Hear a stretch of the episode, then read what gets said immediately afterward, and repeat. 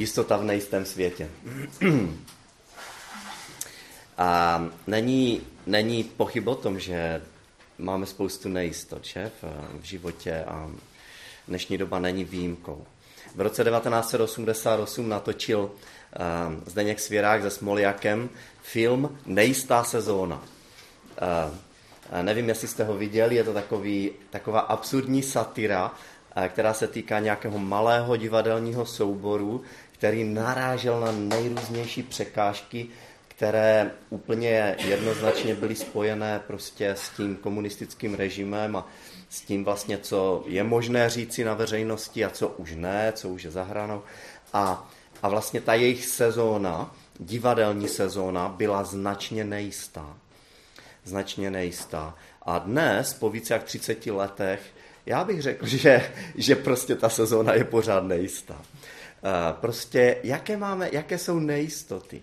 Ehm, eh, z hlediska vašeho osobního, tam, kde zrovna jste, tak, eh, tak s jakýma nejistotama zápasíte?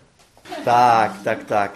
Dneska mě D1 velice příjemně překvapila, protože to jelo, ale to nikdy není jisté, jo, že se dostane. Uh, prosím. Aha, jestli, ne, jestli nahoru dělám, něco dělám špatně, nebo třeba. Investice, že? Hmm. No to je fakt velice nejisté. Tam je, tam je možné ztratit uh, dlouholeté úspory.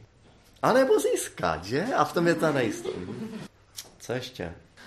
Zkoušky, jo, jestli, jestli udělám, nebo jakou dostanu otázku a jestli to dám. Aha, co se mnou jednou bude, nebo země, co země jednou bude. Mhm. Jestli mě druzí přijmou, nebo hlavně třeba tady ti, ten konkrétní člověk, že, kterého mám na mysli zrovna v mém okolí.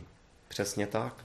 Přesně tak. Já jsem přemýšlel um, jako z hlediska um, mladého perspektivního člověka, což je mi vzdá, nahony vzdálenou už, ale, uh, ale já si myslím, že tam ta nejistota je i v tom, jestli najdu práci, eh, která eh, mě uživí a která mě bude bavit, a která navíc přinese nějaký užitek.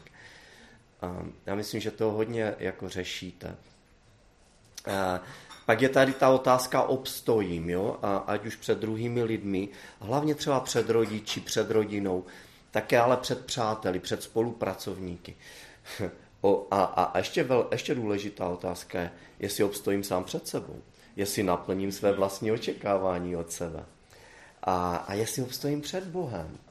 Pokud prostě věřím, že Bůh existuje, obstojím před ním a na čem to záleží. A otázka životního partnera. Um, jak ho najít? A, a bude mě opravdu milovat? A budu já schopen eh, je toho, toho člověka opravdu milovat?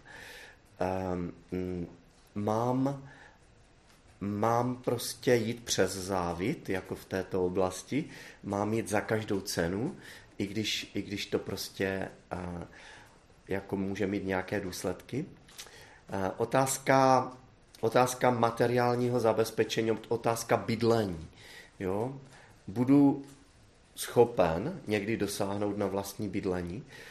A já jsem teďka nedávno četl statistiku, že Česká republika má nejdražší bydlení v Evropě.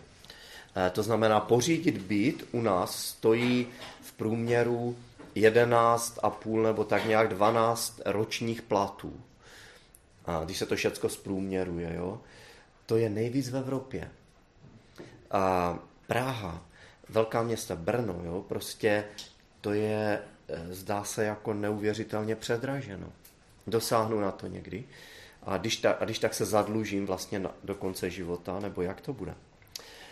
A spoustu, spousta lidí um, také řeší otázku jako, jako takovou, že se nedívá jenom do svého bezprostředního okolí, ale dívá se také například na celou planetu, na, na, na, na životní prostředí.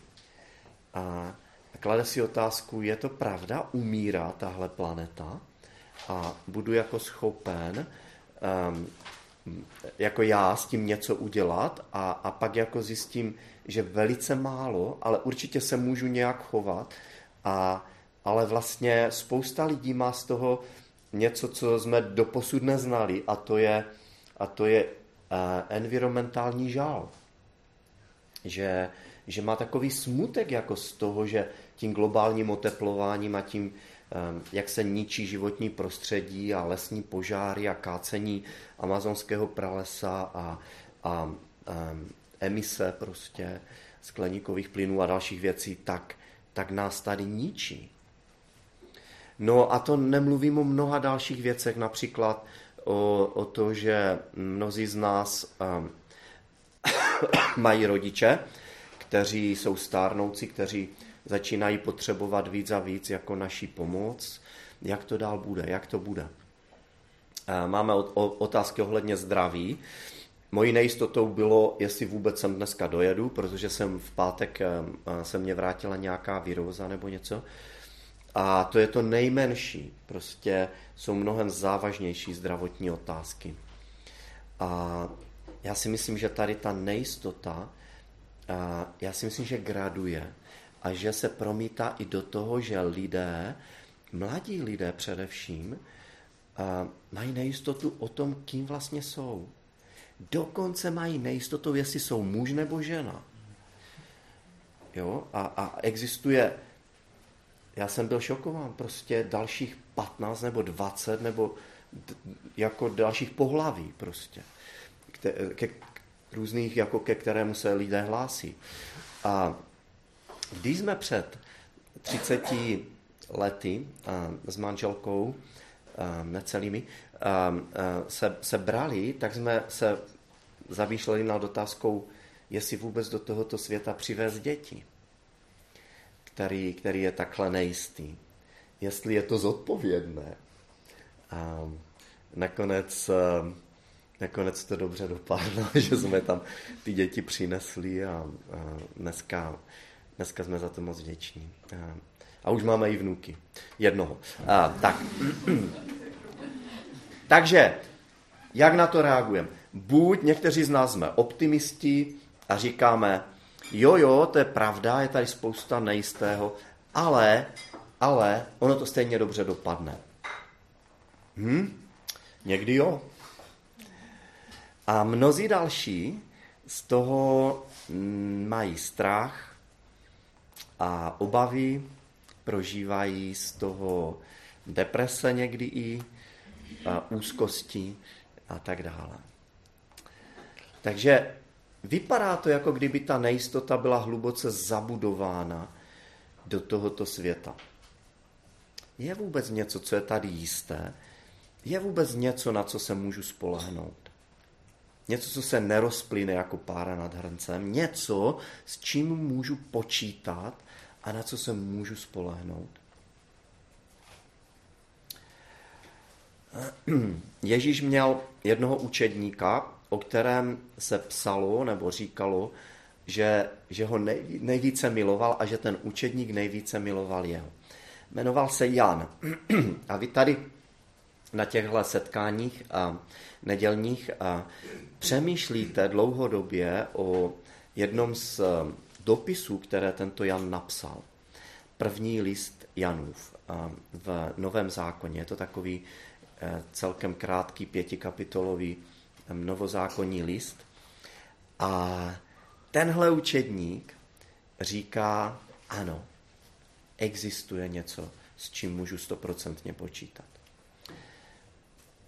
Existuje něco, co dokonce přežije realitu mého, mého života na téhle zemi. A v té čtvrté a páté kapitole, do kterých se dnes budeme dívat, Jan zmiňuje několik takových pilířů téhle jistoty. Když si představíte, že, že tenhle svět je moře, bouřící, prostě nebezpečné, nepředvídatelné moře, tak z toho moře vyrůstají dva pevně zakotvené pilíře, které se spojují nad hladinou v jeden třetí pilíř, a, který, který z toho vyplývá. my se na ně postupně podíváme. Takže podívejme se do čtvrté kapitoly prvního listu Jana, verše 8 až 10. to je rychlost. Um, první Janu. Um, to tak rychle nenajdu ani. 4, 8 až 10. Kdo nemiluje, nepoznal Boha, protože Bůh je láska. V tom se ukázala boží láska k nám, že Bůh na svět poslal svého syna, toho jediného, abychom skrze něho měli život. V tom je láska. Ne, že my jsme si zamilovali Boha, ale že On si zamiloval nás a poslal svého syna jako oběť smíření za naše hříchy. Já to čtu z trošinku jiného překladu, ale, ale ten význam je úplně, úplně uh, stejný. A pak čtvrtá kapitola, verše 16 až 18. Také my jsme poznali lásku, kterou Bůh má k nám a věříme v ní. Bůh je láska, kdo zůstává v lásce, v Bohu zůstává a Bůh v něm. V tom jeho láska k nám dosáhla cíle, že máme plnou jistotu pro den soudu. Neboť jaký je on, takový jsme i my v tomto světě. Láska nezná strach, dokonalá láska strach zahání. Vždyť strach působí muka, kdo se bojí, nedošel dokonalosti v lásce. Prvním pilířem je láska, boží láska. Nedávno jsem četl rozhovor, v, já jsem to četl na i dnes a vyšlo to také v té v Mladé frontě dnes jako v té, v té tištěné formě. A byl tam rozhovor s Jaromírem Jágrem. Já docela sleduju hokej a uh, určitě jsem fanoušek, kdo by nebyl, Jaromíra Jágra, který do dneška v 48 letech vyprodává uh, jak zimáky, tak uh, honosné arény, mnoha tisícové. A, a nevím ale, jestli je to úplně o něm známé, že on je věřící. A ten redaktor, který ho spovídal, tak to věděl. A ehm, pokud si chcete najít ten rozhovor, fakt to není nic těžkého, když si dáte do vyhledávače na iDnes Jágr, eh, tak to tam vyběhne jako jedna z posledních věcí. A poslouchejte, co on, eh, co, co Jaromír Jágr říká. Říká, souhlasím, teďka cituju, souhlasím s názorem, že to, že se modlíš, že prosíš, že věříš, není o tom, že ti Bůh dá víc. Ne. Bůh je neměnná veličina, maximální láska. Že to cítíš, znamená, že se otevřeš, aby to do tebe proudilo. Jestli to neproudí, je chyba v tobě. Jako když máte zavřený kohoutek a budete křičet, že vám voda neteče, ale jinému jo. Není chyba, že, tam, že by tam nebyla voda, ale že nemáte otevřený kohoutek. Stačí s ním kdykoliv otočit. Boží síla je neměnná, je to stálice. Snad mi rozumíte. Redaktor, snažím se. Jarda, Jágr. Je to stejné jako sluníčko. To taky pořád září relativně stejnou silou. Ale když se budete celý život schovávat v bunkru, tak se nemůžete divit, že někdo opálený je a vy ne. Bůh je, říká, říká Jaromír Jágr, Bůh je neměná veličina, maximální láska. A zdá se, že v tomhle souhlasí s apoštolem Janem.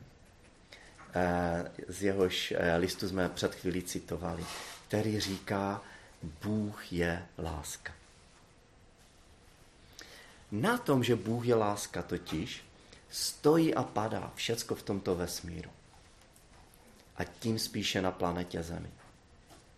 Je to odpověď na všecko. Je to naděje uprostřed čehokoliv. Je to jistota kdykoliv, kdekoliv a pro kohokoliv. Um, Bůh je láska. Jak víme, jak můžeme nějakým aspoň trošinku hmatatelným způsobem poznat, že Bůh je láska? Ten desátý verš čtvrté kapitoly a prvního Jana říká, v tom je láska. Ne, že my jsme si zamilovali Boha, ale že On si zamiloval nás a poslal svého syna jako oběť smíření za naše hříchy. A když jsem, když jsem um, asi v 18 letech přemýšlel o, o tom, jestli je nebo není Bůh, tak jsem samozřejmě, samozřejmě také řešil otázku, pokud je, tak jaký je. A když jsem zjistil, že Bůh je nejenom, že osobní, to znamená, že mě zná osobně jménem, že, že ví, že já jsem nějaký Joška a že ví, co prožívám. Ale, ale, ale, a že mě zná skrz naskrz a, a přesto, že mě zná, že do mě vidí a naprosto jasně, tak mě miluje takového, jaký jsem. Tak, tak tohle to úplně prostě jako a, změnilo moje srdce. Bůh mě miluje. Kým jsem, že mě miluje? Jestliže, jestliže on všemocný a všude přítomný a obrovský Bůh, který stojí za vznikem a fungováním tohoto nepředstavitelně obrovského vesmíru, který stojí za fungováním a vznikem každé jednotlivé buňky a atomů na tomhle světě, ví přesně, jak to má fungovat, řídí to, má zájem o mě, tak to je něco, když to, tohle to poznáte, tak vás to promění. Tak se stanete, tak se stanete jiným člověkem. Proč? Protože láska proměňuje. A my to poznáme v těch, na, té, na té mezilidské horizontální úrovni, že láska proměňuje. O co víc, to prostě poznáváme také na té uh, vertikální úrovni. A tady bylo napsáno, že v tom je, se projevila boží láska, že, že on poslal na svět svého syna jako oběť smíření tohle není jediný důkaz boží lásky, že Bůh poslal svého syna, Pána Ježíše Krista. Ale je to největší, je to ten konečný, ultimátní důkaz boží lásky k člověku. Proč? Protože Bůh není jenom milující, není jenom láska. Bůh je také pravda a spravedlnost. Člověk ve své je ve své podstatě nespravedlivý, hříšný. Navzdory tomu, že se to snažíme za každou cenu zamaskovat, tak před svatým Bohem a dokonalým Bohem neobstojíme a nejsme schopni s tím nic udělat. Jiná část písma říká, že není rozdílu, všichni lidé bez rozdílu zhřešili a jsou daleko od boží slávy. Bůh ale ve své lásce poslal na svět svého syna a o tom jsou Vánoce, že? Že prostě si připomínáme a slavíme příchod nebo vtělení Božího syna do tohoto světa. A už to samo o sobě je nepředstavitelné. Že by tenhle všemocný a, a prostě vznešený úžasný Bůh poslal svého syna do tak nepřátelského prostředí, jakým je tenhle svět. Jedna z, jeden z evangelistů, Jan dokonce, eh, který napsal ještě i další knihu, Evangelium Jana, tak říká, že do vlastního přišel, prostě jeho, je, tento svět byl jeho, ale jeho vlastního nepřijali. Byli, bylo to pro něho nepřátelské prostředí. Už to samo o sobě je nepřátelské, že by někdo jako Bůh něco takového udělal. Ale on navíc dovolil, aby jeho drahý, milovaný, jediný syn zemřel, aby, aby byl zabit, dovolil, aby byl zavražděn. Smrtí na kříži. A dovolil, aby, aby prostě přijal smrt místo nás. Aby podstoupil smrt místo nás. On, který neměl žádný hřích, se stal obětí smíření za naše hříchy, aby my jsme měli přístup k Bohu. Aby my jsme s ním mohli navázat vztah. Protože jak jinak než přes vztah lze zakusit, že Bůh je láska? To by nemělo žádný význam. Láska to není jenom nějaký ezoterický pojem nebo, nebo prostě koncept. Láska je něco hmatatelného a konkrétního. Jak můžeme získat toto smíření? 14. až 16. verš ehm, eh, té kapitoly říká, a my jsme viděli a dosvědčujeme, že Otec poslal syna, záchrance světa. Kdo by vyznal, že Ježíš je syn Boží, v tom zůstává Bůh a on v něm, a on v Bohu. A my jsme uvěřili a poznali lásku, kterou Bůh má k nám. Jak můžeme získat vlastně, jak můžeme otevřít ten pomyslný jágrův kohoutek tak, že poznáme, kým je Ježíš a tak, že prostě v něho vložíme naši víru. A o víře budu mluvit trošinku více za chvilečku. A, a když to uděláme, to můžeme udělat kdykoliv a to stačí udělat jednou za život. A když to uděláme, co to způsobí? 17. verš říká, v tom dosáhla boží láska při nás cíle, že máme naprostou jistotu pro den soudu. Neboť jaký je on, takový jsme i my v tomto světě. Když to uděláme, když poznáme boží lásku, způsobí to v nás jistotu. Tady je řečeno jistota pro den soudu. To, že bude nějaký soud, to, že bude nějaký den soudu, je důkazem boží pravdivosti a spravedlnosti. Nebylo by fér, kdyby všecko prošlo. Nebylo by fér, kdyby nebyl soud. Cílem boží lásky, lásky v nás je, že máme pro tenhle den, pro ten den soudu jistotu. Jistotu v tom, že se nás nebude týkat. Jistotu v tom, že na něm nebudeme odsouzení. Jinými slovy, skutečnost, že nás Bůh miluje a my jsme to přijali, otevřeli jsme ten kohoutek, v nás působí jistotu božího přijetí a zahání strach. Zahání napětí a úzkost a tyto věci, jako, jsou, jako je úzkost a strach, působí muka. Ale boží láska nás od těchto věcí osvobozuje. Ono to tak, já myslím, že tenhle verš to je, eh, eh, je, je jedna z, z takových základních pravd, že láska nezná strach, dokonalá láska strach zahání. Zkuste si vybavit situaci, ve které máte strach. Někdo může mít strach třeba eh, z, z toho vystoupit na veřejnosti, vystoupit před, před vícero lidma.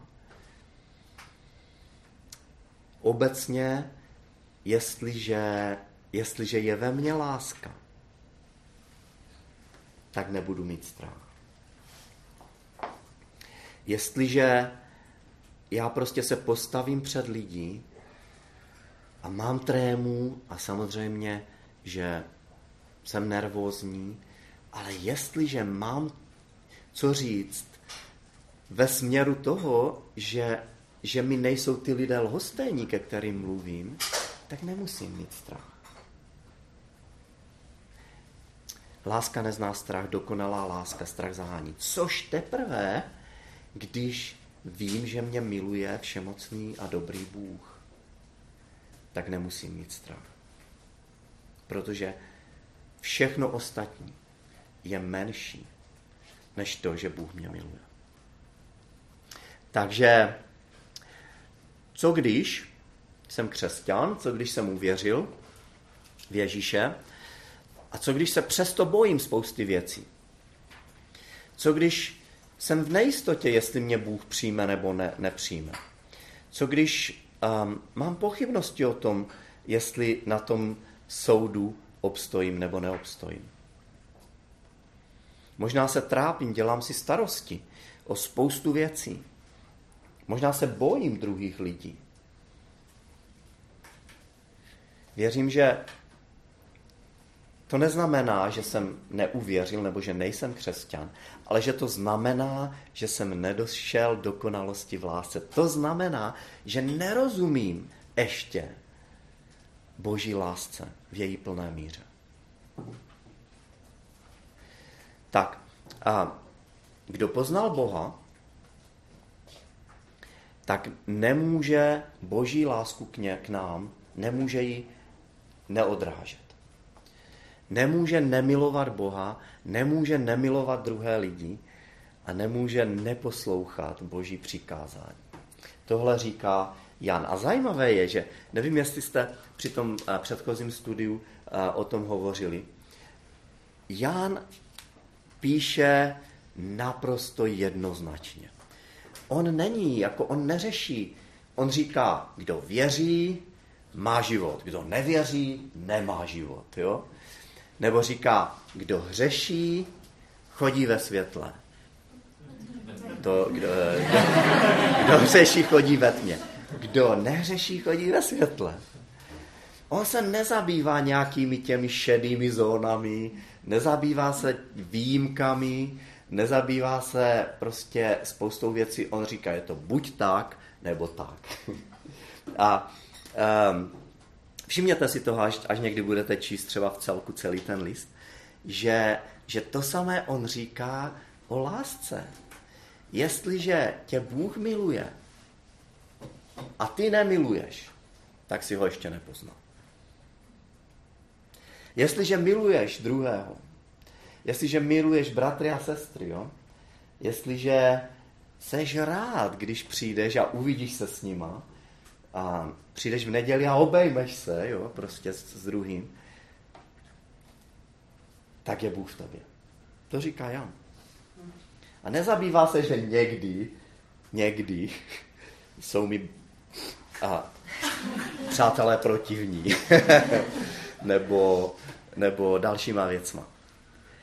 Takže první pilíř a úplně ten nejzákladnější je, že, že Ježíš nás miluje a to je ta největší jistota. Bůh nás miluje, to je ta největší jistota v celém vesmíru. Druhý pilíř je naše víra.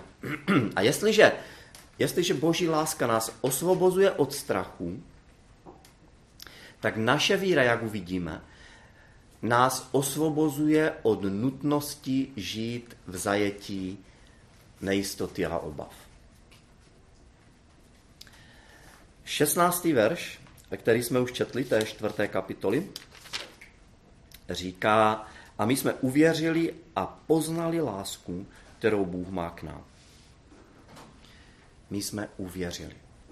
A v páté kapitole, ve verších 3 až 5, to je totiž láska k Bohu, že zachováváme jeho přikázání. A jeho přikázání nejsou těžká, neboť vše, co se narodilo z Boha, přemáhá svět. A to je to vítězství, které přemohlo svět. Naše víra. Kdo je ten, kdo přemáhá svět, neli ten, kdo věří, že Ježíš je syn Boží? Vítězství, které přemáhá svět a všechno, co je v něm. Svět, který je plný nejistoty, strachu, starostí a obav, naše víra to může překonat. Nejistoty a obavy nám totiž znemožňují žít naplno. Stáváme se zajatci principů tohoto světa. Ale můžeme to překonat. A může to překonat naše víra. Konkrétně víra v Ježíše, Božího Syna. Naše víra nás nejenom zachraňuje a umožňuje nám chopit se té Boží lásky. Ona nás také vysvobozuje od principů a systémů, kterýma se řídí tenhle svět. Protože naše víra, říká Jan, je silnější než to, jak to tady funguje. Víra je něco, čeho si Bůh na člověku nejvíce váží, nejvíce cení. A díky čemu mu dává vítězství nad věcmi, které ho přesahují. Dovolte opět citovat z toho rozhovoru s Jaromírem Jágrem, který taky mluvil o své víře a, a říká tady tohle.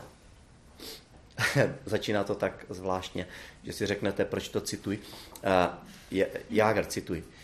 Proto to nikomu moc nevysvětluji. Já ani neříkám, že věřím v Boha. Věřit znamená, že možná. Ale já to vím. Redaktor. Ale i ateistické Česko se může ptát. Jemu bude 8,40, pořád válí, tak jestli na té víře něco není. Jágr. A to je možná jediný důvod, proč já hraju. Možná je hokej moje poslání, abych ukázal, že na tom všem něco je. Zvláště ta první část. Já si myslím, že on to vy, vystihl naprosto přesně. Já ani neříkám, že věřím v Boha. Proč? Protože pro, pro většinu lidí věřit znamená, že možná, že snad, že možná tak 2% tomu dáváme, jo? On říká, to já vůbec, to, to já vůbec nemám na mysli. Protože já mám jistotu. Já to vím, že Bůh je. A že prostě mě miluje. Že je, že je láska. Já to vím, protože jsem to zakusil. A já si myslím, že to je něco, co um, co, co přesně vystihuje eh, otázku, co je to víra. Křesťanská víra není něco možná, snad, uvidíme, když nic jiného není, tak aspoň něco. Ne. Křesťanská víra má tři součásti. Poznání, to znamená, je tam určitá, eh, eh, určitá, začíná to vlastně přemýšlení. Začíná to přemýšlení. Pak je tam přesvědčení a pak je tam spolehnutí se. Víra začíná přemýšlením, poznáním. A já nemám čas eh, více, nemáme čas se více tím zabývat, ale pro, pro víru je přemýšlení, je přemýšlení to, čím víra začíná. To není něco v kontrastu s vírou. Buď je rozum, je v povědomí většiny lidí, a pak je víra. A ty dvě věci jdou proti sobě. Ne tak víra, o které mluví Bible. Bible říká, že víra vždycky začíná porozuměním, začíná přemýšlením. A víra se nebojí používat mozek. A nejenom to. Důvod, proč je dneska to Česko možná tak ateistické, to znamená, proč dnes není více víry. Jsem plně přesvědčen, že, ten, že jedním z hlavních důvodů pro to je, že není více přemýšlení. Ale to je jenom první krok. Přemýšlení. To vede k přesvědčení. To znamená, že to, kdy, to, že přemýšlím, mě vede k tomu, že se to stane mým přesvědčením. Víra nepřichází k Bohu jenom proto, že to přináší úlevu, že je to berlička. Víra přichází k Bohu především proto, že je to pravda a že Bůh je skutečný, že je osobní, úžasný, že je milující a spravedlivý, že je mocný a že bez něho to nedává smysl. A tedy stane se to mým přesvědčením, o kterém říká Jágr, že já to vím. To je to přesvědčení. A zároveň je třetí součást víry a to je, a, to je vydání se, nebo a, jak to přesně vyjádřit. A, je to, je to mám tady slovo, ano, spolehnutí se. Je to, že, se na, že, že na tom založím svůj život, svoji existenci. Že jako kdyby jsem na, na, na to své přesvědčení, o kterém jsem přesvědčen, že je to pravda, tak na to položím tíhu celé své existence. A to vede k tomu, že se to nějak projeví na, na venek, jako v mém praktickém konkrétním životě. Projeví se to v tom, jak žiju, v, v mých vztazích. Víra je vždycky spojená s něčím, co člověk udělá. Nejenom, víra to není jenom světonázor.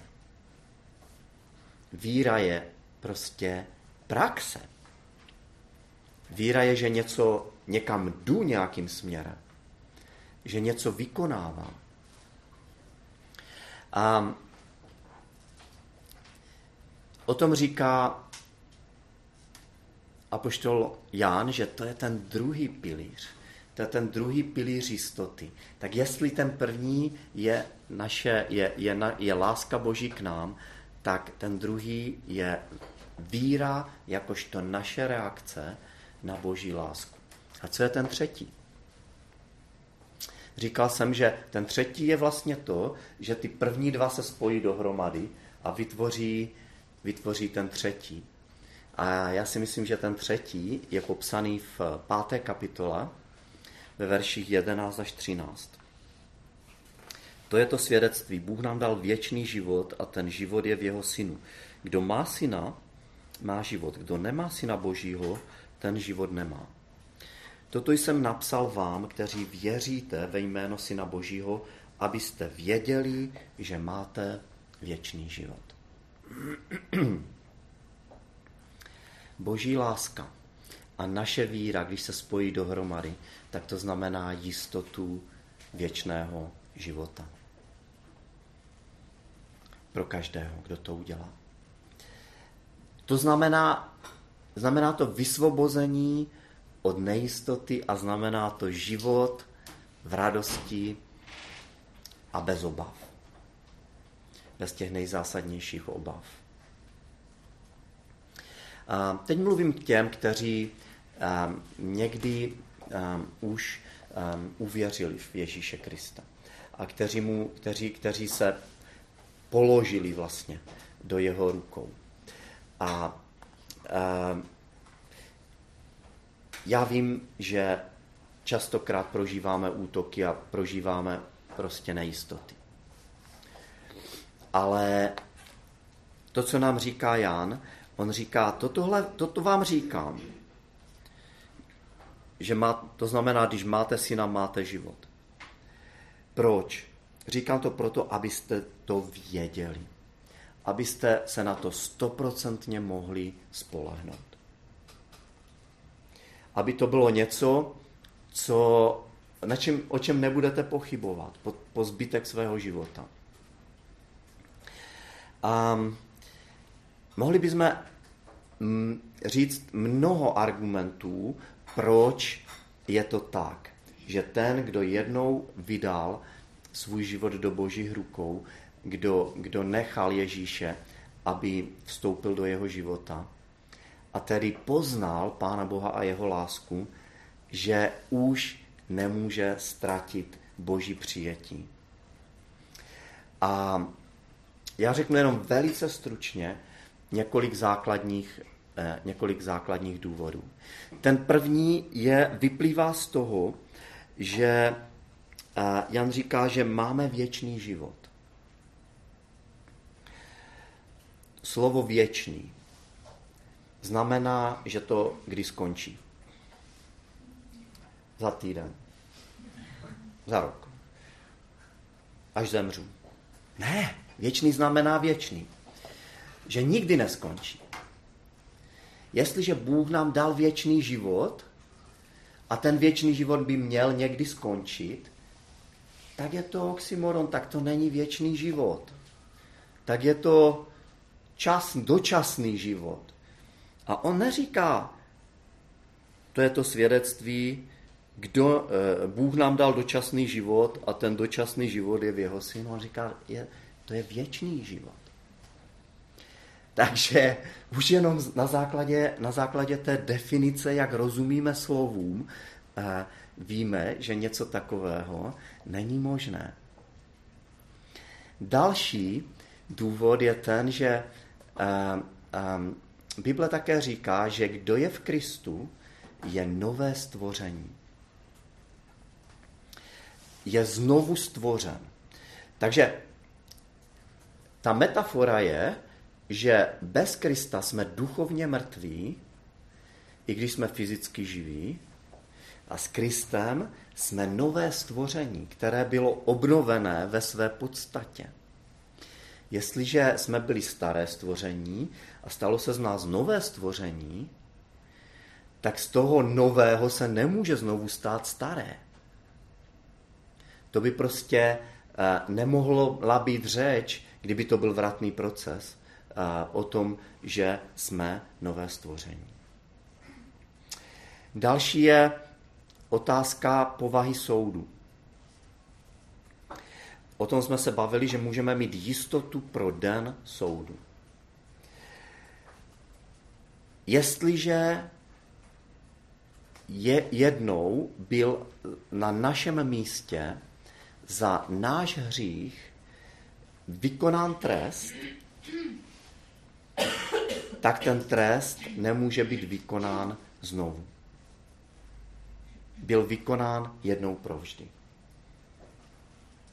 Povaha, povaha eh, nebo otázka milosti. Milostí jsme spasení skrze víru. Spasení není z nás. To znamená, není, je to boží dar. Nemůžeme si ho zasloužit. Jestliže jsem přijal věčný život, jakožto součást božího daru spasení, záchrany, tak a bylo to na, ne na základě toho, co já jsem udělal, ne na základě toho, jak moc jsem se polepšil, jak moc jsem prostě už eh, dosáhl nějakého Eh, stupně prostě dokonalosti, ale na základě boží milosti, nezasloužené přízně, na základě toho, co udělal on, ne, ne na základě toho, co jsem udělal já, tak to nemůžu ztratit, protože to nezáleží na mě.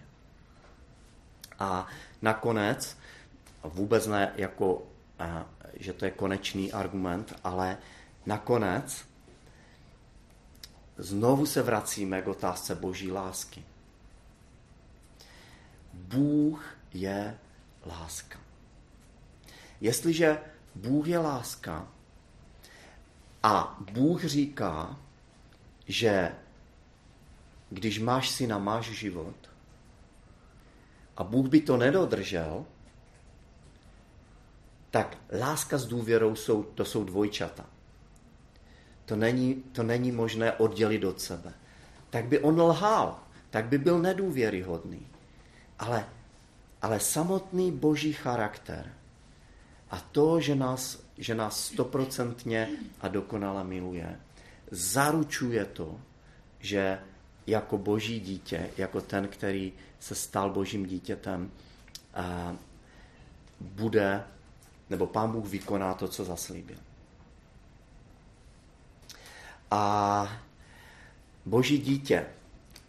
Bible říká, že se stáváme božími dětmi tehdy, když v něho uvěříme. um, i jako dítě svého pozemského otce nemůžu nic udělat pro to, abych přestal být jeho synem. Jo? Já můžu se ho zříct, já ho můžu ignorovat, že vůbec existuje, a já se můžu odstěhovat na, na opačný konec země koule, ale to ještě nes, ale nic toho nespůsobí, že přestanu být jeho synem. Jestliže je pravda, že se ten, kdo přijme Krista, stává božím dítětem, jaké by to bylo dítě, kdyby mohlo přestat být dítětem svého otce, synem nebo dcerou svého otce. Na základě těchto věcí, eh, na základě těchto paralel, um, si můžeme být jistí. Ať už jsme, ať už jsme těmi, kdo, kdo prostě mají tendence být optimisty, nebo jsme těmi, kdo mají vždycky vlastně tendenci být pesimisty a vidět ten pohár spola prázdný.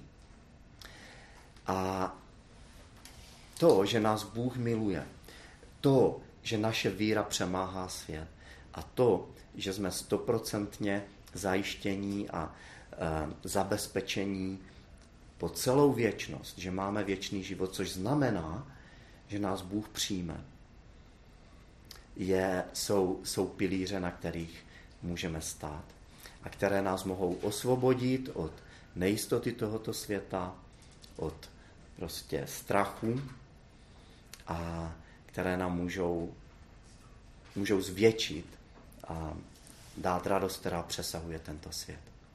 Dobře, moc krát díky za pozornost.